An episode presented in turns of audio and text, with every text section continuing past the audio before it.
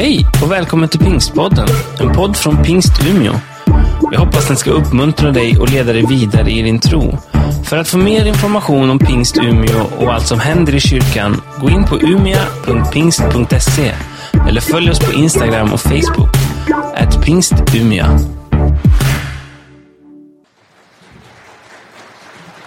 Så fint. Marielle, kan inte jag få växla några ord med dig? Ja, gör det. Kom upp. Eh, Jag såg ett sånt underbart kort på Facebook häromdagen. Det, stod, det, var, det var en bild på en, en tjej för tio år sedan. Ja, Ungefär. Sju år sedan. Berätta. ja, jag varit frälst. Igår så är det sju år sedan jag blev frälst. Nej. Ja. Ja. Fint jubileum tycker jag. ja, Men bilden jag såg där och din beskrivning, eh, jag tänker det är ju offentligt om man har lagt det på Facebook. Där, du nickar sådär. ja. Jag har ju tystnadsplikt du vet. Ja, men bilden där, det var ju en liten, eh, eller liten, men det var, det, hon, verkade lite rädd och lite osäker, flickan. jag var väldigt trasig. Levde med en otrolig psykisk ohälsa. Och blev gravid som 15-åring. Och gjorde abort. Oj. Ja. Så det, det lever ju som kvar. Eh, men jag fick förlåtelse. Och jag, eh, ja, jag, blev fram- förvandlad. Jag fick känna kärlek och frid och glädje. För jag kände mig mest hemma i sorgen för. Och nu är det som glädje i mitt hem. Ja, man kan byta bostad. Ja. Sorgens hus till glädjens hus. Eller huset där glädjen finns. Men du, det där måste ha varit en resa. Det hände inte så eller? Nej. För jag har ju haft, jag har haft jätte, jättesvårt att lita på människor. Ja. Eh, och, och så gick jag på Dalkarså folkhögskola. Det var där jag blev frälst. Eh, och då började jag gå på morgonandakterna. Eh, och så hade jag några i klassen som var kristna. Eh, så de, jag frågade mycket och de svarade. Och, ja. eh, men sen till slut så var det en man härifrån församlingen som hade en kvällsandakt. Och vi träffades innan och så, han var jättesäker på att vi hade träffats innan och jag var lika säker att vi hade aldrig träffats. Ehm, men jag gick på hans kvällsandakt och sen så ryckte han tag i mig och sa att jag har drömt om dig och jag måste få berätta det för dig. Och den dagen när han berättade då tog jag beslutet. Och sen har det varit små steg. Kommer du ihåg när du blev döpt i vatten? Ja, det var här i september 2014. Ja. Ja. Hur kändes det? Helt fantastiskt. Det var det? Ja. ja, och min mamma var här och hon är inte frälst men hon stod och grät och hon sa att du ser så fridfull ut. Och nu när du står och sjunger, man liksom ser du, det är från... Ja. Vad vad häftigt. Vilken story. Så glad att ha dig här och tack för vad du gör för oss och tack för det du delade. Både det svåra och... Ja, där känner jag, jag vill bara be en bön för dig. Får jag det? Ja. Tack för Marielle. Tack för hennes berättelse och tack för den starka lovsången som hon får bära fram. Tack att det vi har varit med om, det påverkar oss och det gör någonting med oss, men det behöver inte bestämma vår destination. Utan vi kan få leva i tro på syndernas förlåtelse. I tro att det finns ett blod som renar våra liv och sköljer igenom oss. I tro att vi kan få öppna oss för en annan ande. Än den som liksom driver in sorg och skuld och vrede i våra hjärtan. Tack för befrielse och frälsning till Marielle och välsigna henne och låt henne få vara till välsignelse när hon går fram. Jag ber i Jesu namn. Amen. Amen. Tack. Ja, tack. Ja, eh, mm. mm. Ja, jag säger bara tack. Jag är liksom stand. Alltså, jag är inte någon bra fysisk pedagog. Ehm, jag skulle ju haft ett, ett, har vi något bord här? Eller något, jag kan, jag kan använda, det är kanske egentligen bättre att jag håller mig här borta. Nej, det tror jag inte är bra. Den där ska du höra. Tror det. Ja, okej. Okay. Eh, alltså jag har ju tänkt att... Och, så här. Efter över 30 år så har jag fortfarande inte förstått att min fru vill att jag ska köpa snittblommor en gång i veckan. Utan eh, när jag gör det så är det nog mer för att jag har kommit på det av andra skäl. Hon köper blommor varje vecka. Och det är väldigt trevligt med snittblommor. De, de, eh, jag menar tulpaner nu för tiden, det är ju fantastiskt. Man känner ju att nu är det snart vår. Så att idag behöver man köpa många tulpaner när man tittar ut. Va? Det, ja, men det är något fint. Eh, det är bara ett litet problem med snittblommorna. Och det är att de, de vissnar ju efter ett tag. Och vi vet ju varför. Ja, men det har ju att göra med att de har förlorat förbindelsen med sina rötter. Men det är inte lika roligt att få en tulpanlök. Jag vet inte. Här ska du få lite blommor. Nej men det känns inte lika jag vet det, kanske jag gör. Jag får nog prova det faktiskt. Jag kände det nu när jag sa det. Eh, ja, men fördelen när man ger bort något med rötterna. Då kan det blomma år efter år efter år. Och det är en del av orsaken eller förklaringen till att vi har bestämt oss för att läsa igenom apostlagärningarna tillsammans här i församlingen. Det är ju berättelsen om den kristna församlingens födelse och dess framväxt i dels i Israel men om man följer berättelsen så ser man ju att under den där berättelsen så tar sig ju evangeliet till Libanon, till Syrien, till Turkiet, till Grekland och hela vägen till den tidens största huvudstad Rom. Och det evangeliet får ett sånt inflytande att det påverkar till och med jag menar, hela, hela samhället förvandlas tack vare berättelsen om några få människor som tar emot Jesus Kristus. Och vi tänkte det där behöver vi odla, vi behöver ha en relation till våra rötter. Back to the roots. Idag har vi kommit till det andra kapitlet. Och i det andra kapitlet så läser vi om hur Gud gjuter ut Alltså han, ja, man, man, kan utgjuta sitt hjärta. Va? Då, då berättar man allting. Om Gud gjuter ut sin ande. Då delar han med sig av allt det han har. Av sin kärlek och sin kraft. Och då, nu kommer vi ju till det här pedagogiska som inte jag är så bra på. Tål den vatten alltså? Nej, de verkar tveksamma. Alltså, jag tror du ska ta bort den. Ja. Nej, men det är bra om man kan omvända sig. Vi får en illustration på det. Man kan ändra sig.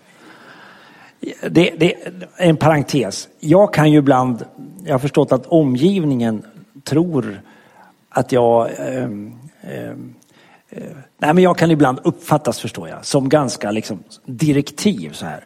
Men jag vill bara berätta för er så här nu, utan att, om ni inte säger det till några andra, att jag kan ändra mig.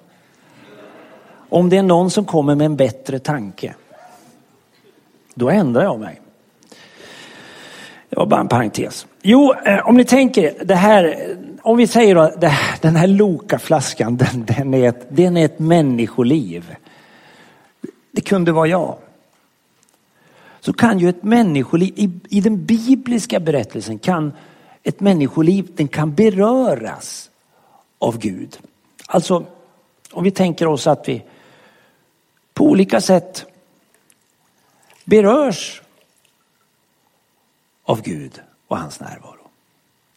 Och det är klart det gör någonting med livet när man kommer Gud nära. Det förändrar livet på många sätt. Men när ni hörde Malens berättelse så förstod ju ni att ni, hon hade ju saker i sitt, på sin insida som också behövde bli berört av Gud. Och då vet ju ni att om man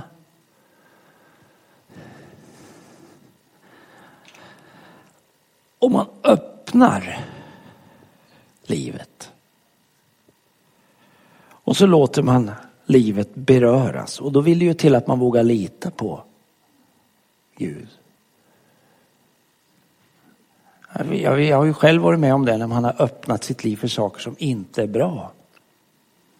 Har man då öppnat så, jag menar det är en sak om, om man touchar saker som inte är bra. Då, då går det ju att tvätta av det, men kommer det in? Det vill ju till att det man öppnar sitt liv för är bra. Öppnar man sitt liv för, för Gud på det här sättet. Det är klart, livet med Gud får ju en helt annan inverkan. Och öppnar man sitt liv så mycket att det att hela livet blir fyllt av Guds närvaro, då märks det också på utsidan. Vill man kan man ta det ett steg till. Man kan, man kan tänka sig att man doppar. Och nu är det ju ingen som ser mer än jag inser jag. Man doppar liksom hela livet. Man låter livet döpas, helt omslutas av Guds närvaro. Och då blir ju frågan från mig till er idag. I vilken grad vill du att Gud ska få påverka ditt liv? Vill du bli berörd, döpt eller kanske till och med fylld, uppfylld av den helige ande? Ja. Vi ska läsa tillsammans och, och nu eh, ska vi slå upp det andra kapitlet och eh, nästa söndag så kommer texten att bli ännu större. Där är skärmen. Den ska dit. Och det kommer att ske under veckan. Nu talar jag i tro. Det är ju rätt sammanhang att göra det. Vi läser ifrån Apostlagärningarna, det andra kapitlet och vi, vi läser inte hela kapitlet men vi läser delar av det och vill du får du gärna följa med i texten. När pingstdagen kom var de alla församlade, alltså de som trodde på Jesus, ungefär 120 personer. De är i Jerusalem och de är där därför att Jesus har sagt vänta Vänta till dess ni blir uppfyllda eller döpta av den heliga ande, eller i den heliga ande. Då hörs plötsligt från himlen ett dån som av en stormvind. Det är nog bäst jag läser där. Och det fyllde hela huset där de satt. De såg hur tungor som av eld fördelade sig på var och en av dem. Eh, eld är ju har ju som två funktioner när Bibeln talar om, beskriver Gud som en eld.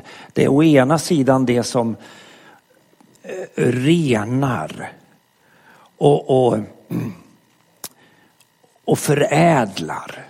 Å andra sidan är det ju en mäktig kraft.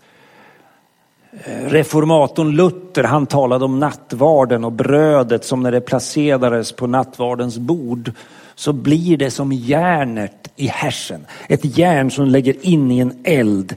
Det blir bärare av den energi som, är järn, som elden är bärare av utan att upphöra att vara järn. Det var hans sätt att förklara vad det var som hände. Alltså elden är ju bärare av en väldig energi. Det här fördelar sig på var och en av dem. Inte bara Petrus, Jakob och Johannes, de som oftast gick i täten, utan även Thomas och de andra lärjungarna, kvinnorna. Alla fylldes av helig ande. Och så börjar de tala med andra tungomål på jordiska språk kommer vi förstå när vi läser texten. Med ord som anden inger dem. De vinner en förmåga att förklara och beskriva den tro de är bärare av. Och det här förvånar människorna som, som hör och ser det här. De undrar vad det är som händer. Och då träder Petrus fram och förklarar.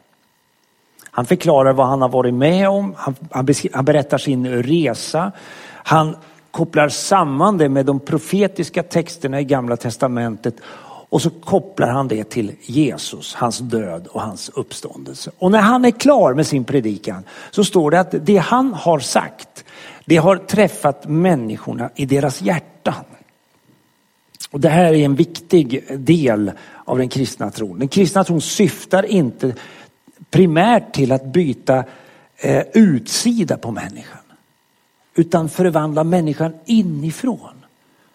Och det vet ju ni om man ska åstadkomma en förändring i sitt liv att vi kan göra strukturella förändringar, vi kan prioritera om, vi kan jobba med våra beteenden. Men vill vi åstadkomma en förändring i våra liv då måste man åt våra värderingar och kanske till och med ända in till frågan om vilka vi är.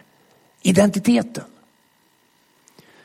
Orden som Petrus predikade träffade människorna i hjärtat och de frågade Petrus och de andra apostlarna, vad, ska vi göra? Och jag, jag, tänker, det där är ju en dröm för mig. Tänk om, om, om vi som kyrka skulle kunna tala på ett sådant sätt att omgivningen frågar efter att evangeliet har träffat hjärtat, vad ska vi göra? Petrus han säger, han talar om två saker som man behöver göra för att liksom skruva av korken på flaskan. Alltså omvänd, alltså det, det kanske till och med går att använda den här bilden en gång till. Ja, bild, alla bilder haltar. Det är klart att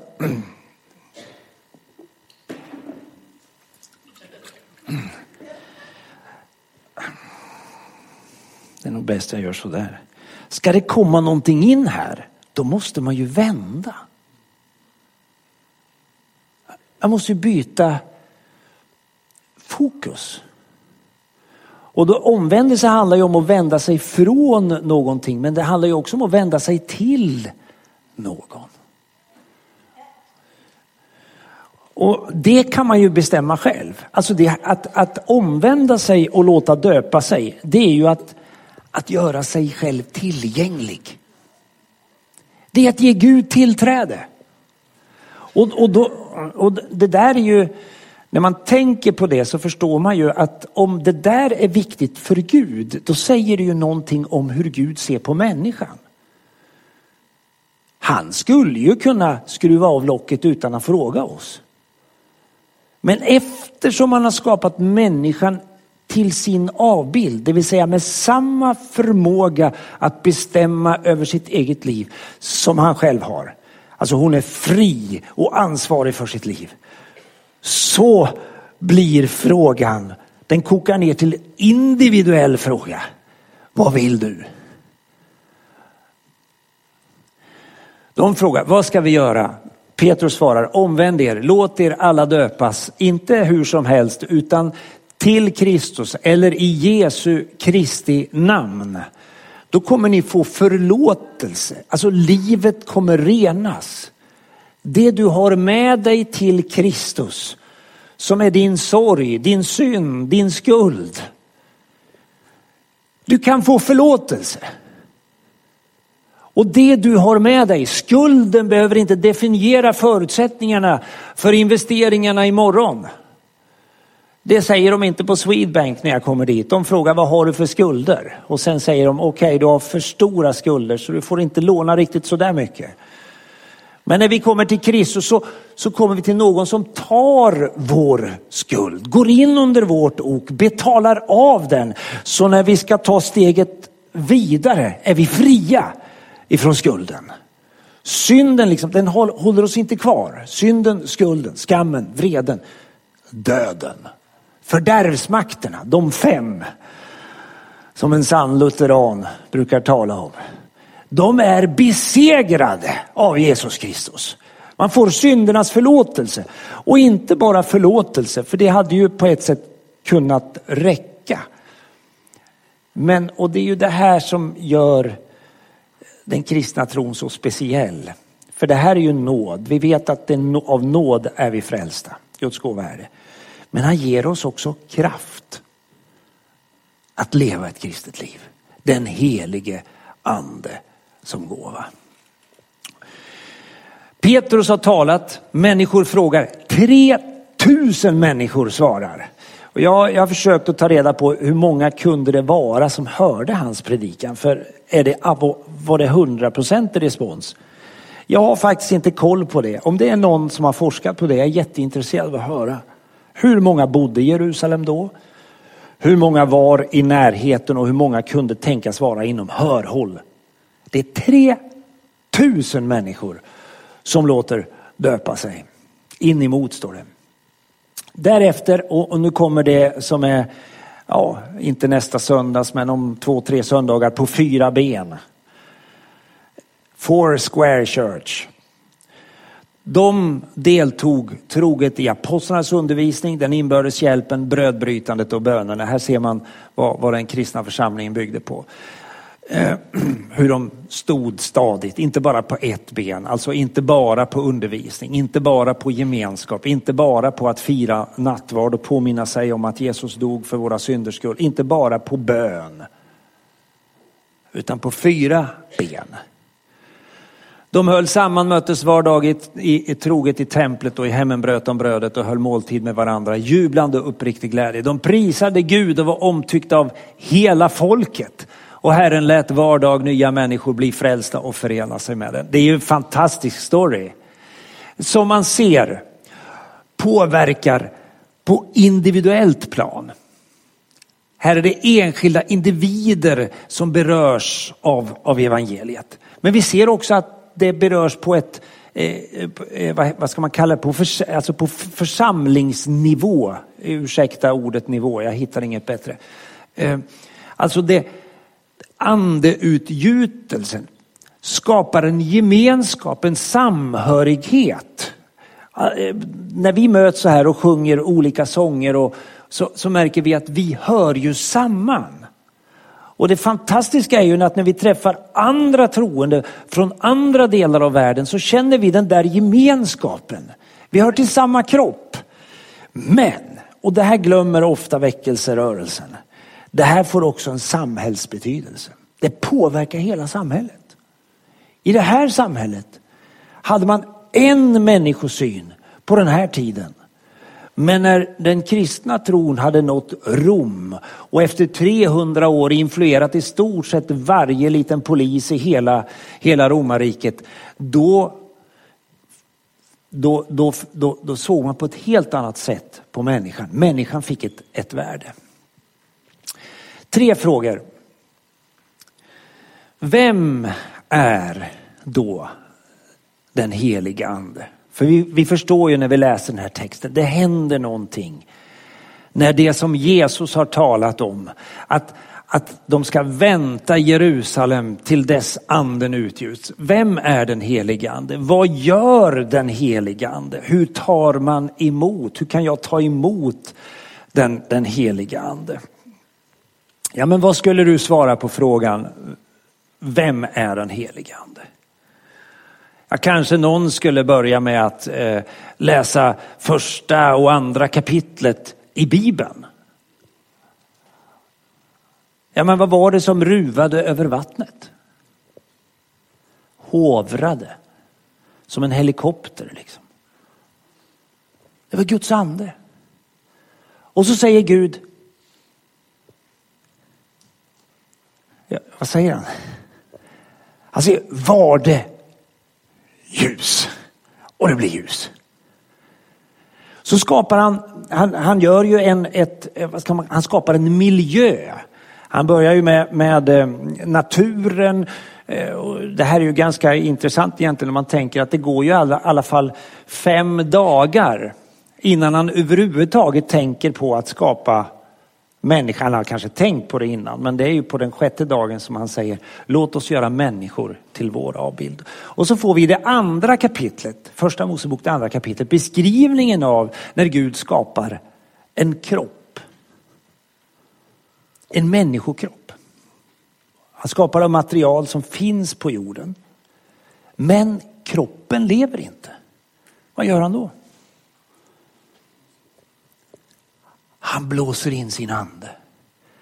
Och kroppen får liv.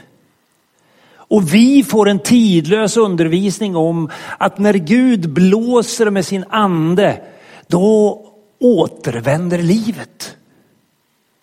Vi kan om vi läser i Gamla Testamentet se att eh, anden är verksam på många olika sätt. David han spelar på sin harpa inspirerad av den helige ande. Vi ser när vi läser om Jesus att den helige ande är med när Jesus blir till. För vad är det för svar Maria får? Jag kan läsa om det i Lukas evangelium, det första kapitlet. Vad är det för svar Maria får när hon frågar ängeln om hur, hur hon ska kunna bli gravid? Helig ande ska komma över dig. Och du ska bli havande och barnet du ska föda ska kallas, ja det är Guds son. Visst säger han så? Jag kommer inte ihåg exakt nu. Alltså vi ser hur, hur den helige ande är verksam på samma sätt genom hela historien. På samma sätt som Gud själv är verksam. När Jesus ska berätta för oss vem den helige ande är så beskriver ju Jesus den helige ande som en person som man kan umgås med, som man kan tala med. Någon som har känslor, någon som har en vilja, någon som har en förmåga, har kraft, känsla, vilja och förstånd. Alltså personliga egenskaper. Och så säger han att, att anden är en hjälpare som ska komma istället för Jesus. Och, och, vi när vi sitter och tittar på det där har ju, jag menar vi lever ju i ett västerländskt samhälle, vi vill ju förstå först och tro sen. Eh, vi har ju väldigt svårt för det här. Alltså det att närma sig den andliga dimensionen som inte riktigt går in i den inomvärldsliga lådan, den är lite svår. Därför man, med viss förståelse också kan man närma sig de här frågorna med respekt. Anden är tillsammans med sonen och fadern det som Bibeln beskriver som Gud. Fadern som älskar sonen, som sänder anden. Anden som förhärligar sonen, som förklarar för oss vem Gud är. De tre i en organisk enhet som inte kan tänkas utan varandra. Man har funderat på i kyrkohistorien hur man ska beskriva det där. Augustinus, eh, jag vet inte om ni brukar läsa Augustinus. Jag har knappt gjort det, lite grann sådär. Eh, han var en fantastisk eh, teolog och retoriker. Han, eh, han skriver om det här och säger att det är med förhållandet mellan fadern, sonen och anden är det så här att fadern är den som, som, som älskar och sonen är den som låter sig älskas. Och anden är själva kärleken. Alltså det var hans sätt att försöka förklara det här. Åker man österut till den östra kyrkan då beskriver man gemenskapen hos Gud som, som en familj. Där Fadern, Sonen och Anden de, de lever tillsammans. Och, och, i den miljön är att bli en kristen, att bli indragen i den gemenskapen. Fantastiskt team att få vara med kan man säga. Jag gillar det. De kan allt. Och de bara lyfter fram varandra. De gillar varandra så till den grad att de är beredda att offra sig för varandra. Till och med dö för varandra. Vilket team, tänk att få vara med där. På medeltiden så kom det en, en eh, teolog som också är, ja, ja, men, halvkänd sådär. Abelard hette han, 1100-talet. Han beskrev det lite mer, lite romantiskt, lite mer. Eh, min fru skulle le nu om hon hörde det här. Hon är på lasarettet idag. Eh, nåväl. Han beskriver fadern är den som kysser. Sonen är den som låter sig kyssas. Anden är själva kyssen.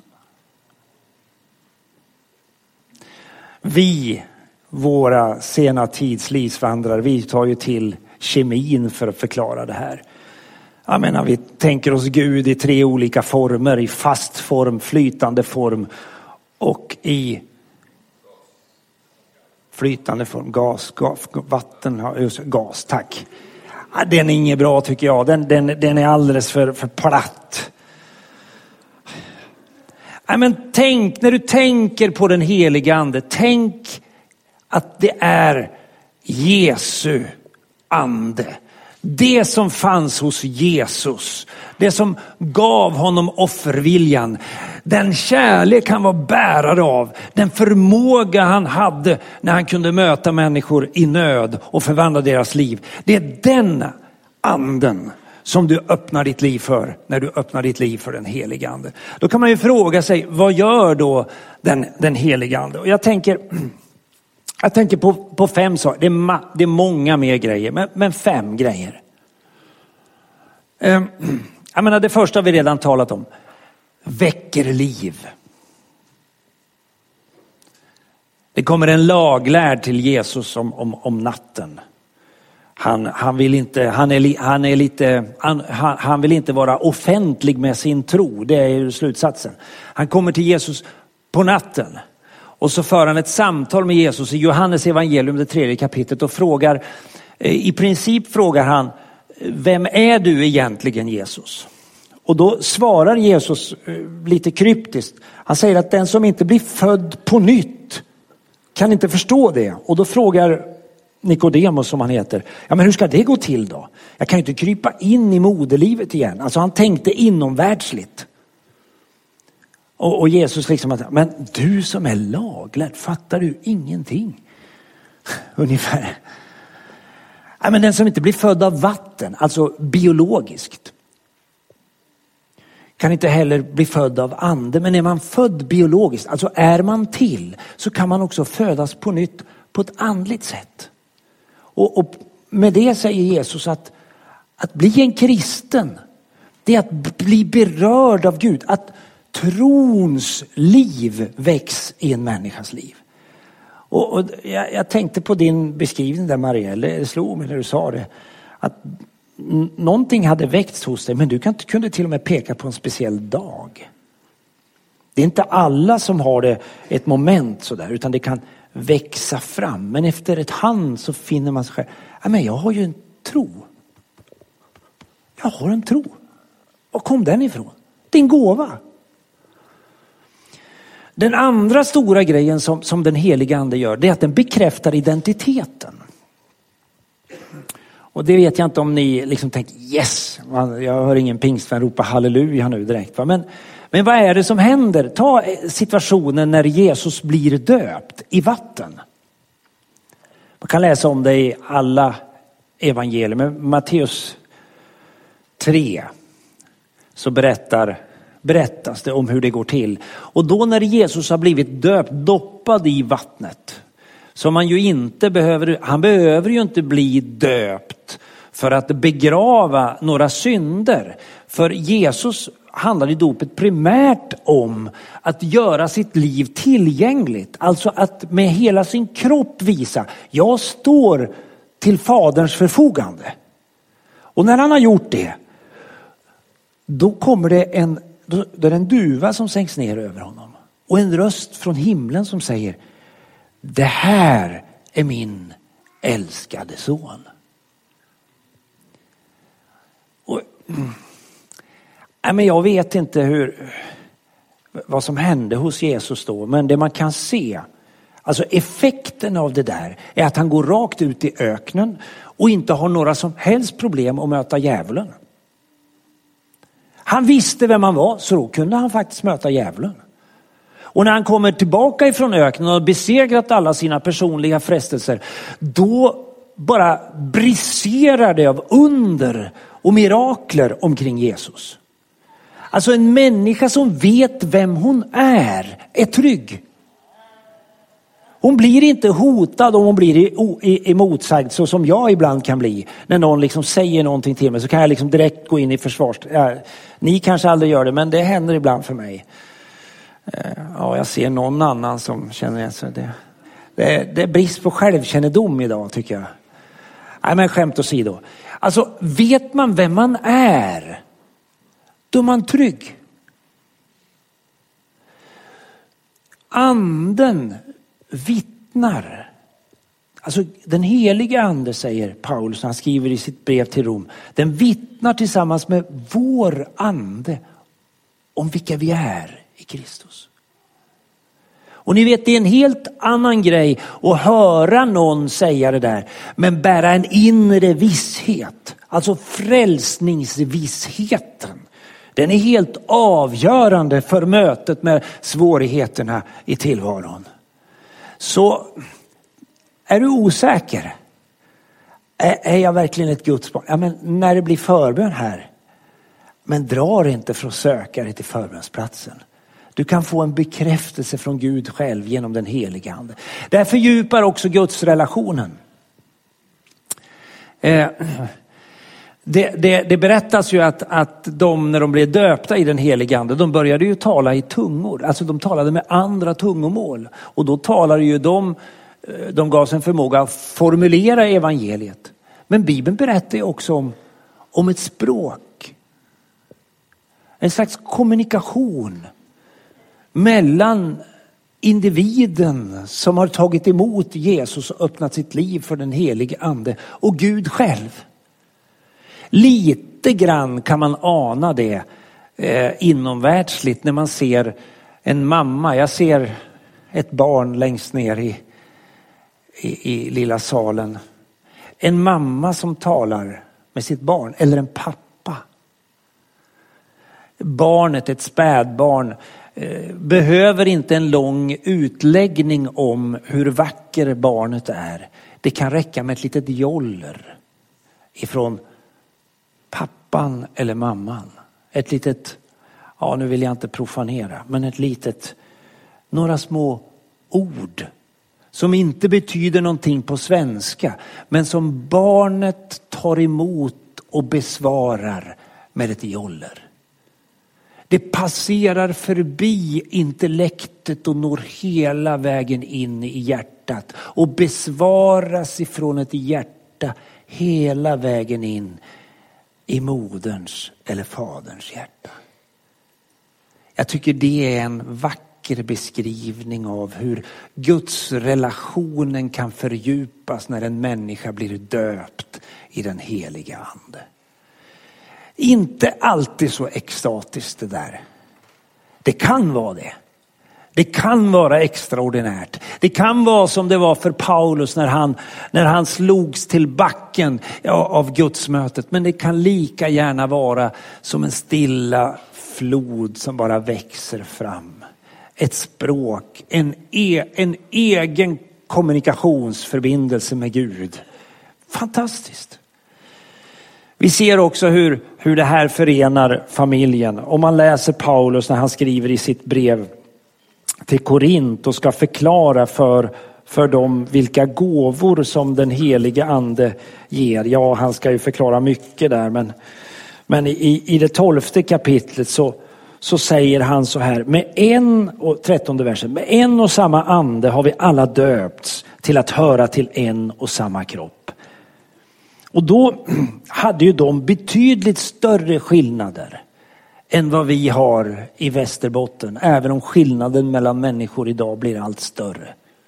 Jag menar vi har, eh, vi lever i ett mångkulturellt samhälle precis som i Korint. Här var man judar och greker. Alltså helt olika världsbild. Och så kommer man och möter Kristus och så ska man fira nattvard ihop. Och så, säger, så, så förstår man att om, om, om vår Eh, så att säga, et, vår etnicitet ska föra oss samman, då kommer vi att förbli olika. Då kommer vi att vara separerade. Om vår, vår världsbild ska föra oss samman, ja, men då kommer vi också vara olika. Men om vi låter våra liv döpas av den ande som fanns hos Jesus Kristus, då kommer vi att höra till en och samma kropp, vare sig vi är judar eller greker, vare sig vi är slavar eller fria. Så när man kom fram till nattvardsbordet så kunde slavens ägare möta sin egen slav ståendes med brödet och med vinet och säga Jesu kropp för dig utgiven, Jesu blod till dina synders förlåtelse. Alltså ni fattar vad som hände när man, när man lät sina liv beröras och fyllas av, av den helige ande. Det skapade en gemenskap som var långt mycket större än ett avtal skrivet mellan två olika parter. Den helige ande ger oss också gåvor. Eh, I samma kapitel kan man ju läsa om, om nio olika gåvor, helt fantastiska. Gåvor som berör vår förmåga att tala med varandra och tala med Gud. Gåvor som berör vår, vår förmåga att förstå saker, meddela vishet, kunskap, skilja mellan olika andar. Gåvor som har med vår förmåga att förändra världen. Kraftgärningar, alltså den gåvan behöver vi mer av. Jag tänker gåvan att göra under, gåvan trons gåva så vi kan flytta de berg vi möter i tillvaron. Alltså de gåvorna, de är kopplade till dopet i den helige ande. Så jag tänker att om, om Gud vill ta sin stora tillbringare och gjuta ut sin ande över mitt liv, då vill jag skruva av korken.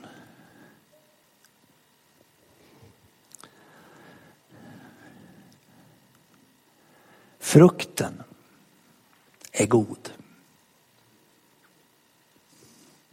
Det finns en strid i våra lemmar, säger Bibeln. Den är ju väldigt realistisk i sin beskrivning. Vi har det goda och vi har det onda. Vi har köttet och anden. Strid. Anden, vad köttet ger är lätt att se. Och så kommer en beskrivning av allt det där vi inte vill ha. Vad den helige ande ger Ja, men det är bara bra. Det är kärlek, det är glädje, frid, tålamod, vänlighet, godhet, trofasthet, ödmjukhet och självbehärskning. Mot sådant vänder sig inte lagen. Hur kan jag då ta emot den heliga ande? Hur kan jag öppna mitt liv för det här? Ja, men då tänker jag bara, det här är så basic. Det här har med våra rötter att göra. Jag menar precis som som allt det Gud ger, det är en gåva. Den heliga ande är en gåva. Vill vi ha mer av den heliga ande? Det handlar om att öppna upp, att göra sig tillgänglig. Och, och då ser vi ju när vi läser Apostlagärningarna 2 att det fysiska gensvaret är inte oväsentligt. Alltså där handlar det om dopet i vatten. Och, och jag vill uppmuntra dig som inte har gått den vägen att att våga ge det gensvaret. Låt döpa dig. Var med nästa gång. Vi, jag på så här, fyller, det är ju redan vatten här. Vi behöver inte fylla den, vi, vi får förnya det bara. Se till att det är rent och fräscht och varmt och skönt och så vidare. Men det är egentligen av underordnad betydelse. Att ge ett fysiskt gensvar. Ett annat fysiskt gensvar kan vara att resa sig upp, gå fram, ta emot bröd och vin. Eller gå ner längst ner här under läktaren och, och, och säga till våra förebedjare, be för mig. Jag är tacksam om du lägger din hand på min panna. Jag vill öppna mitt liv för mer av den helige ande. Jesus han sa sina lärjungar när han uppenbarade sig efter sin uppståndelse. Han sa frid åt er alla. Och så andades han på dem och så säger han, ta emot helig ande. Gud, jag vill tacka dig för att du känner våra liv. Du vet var vi finner oss på, på trons väg, på vandringen tillsammans med dig. Vi vet om att en del av oss, vi har vandrat många år tillsammans med dig och ibland så faller vi för frestelsen att tro att vi vet allt om din storhet och härlighet.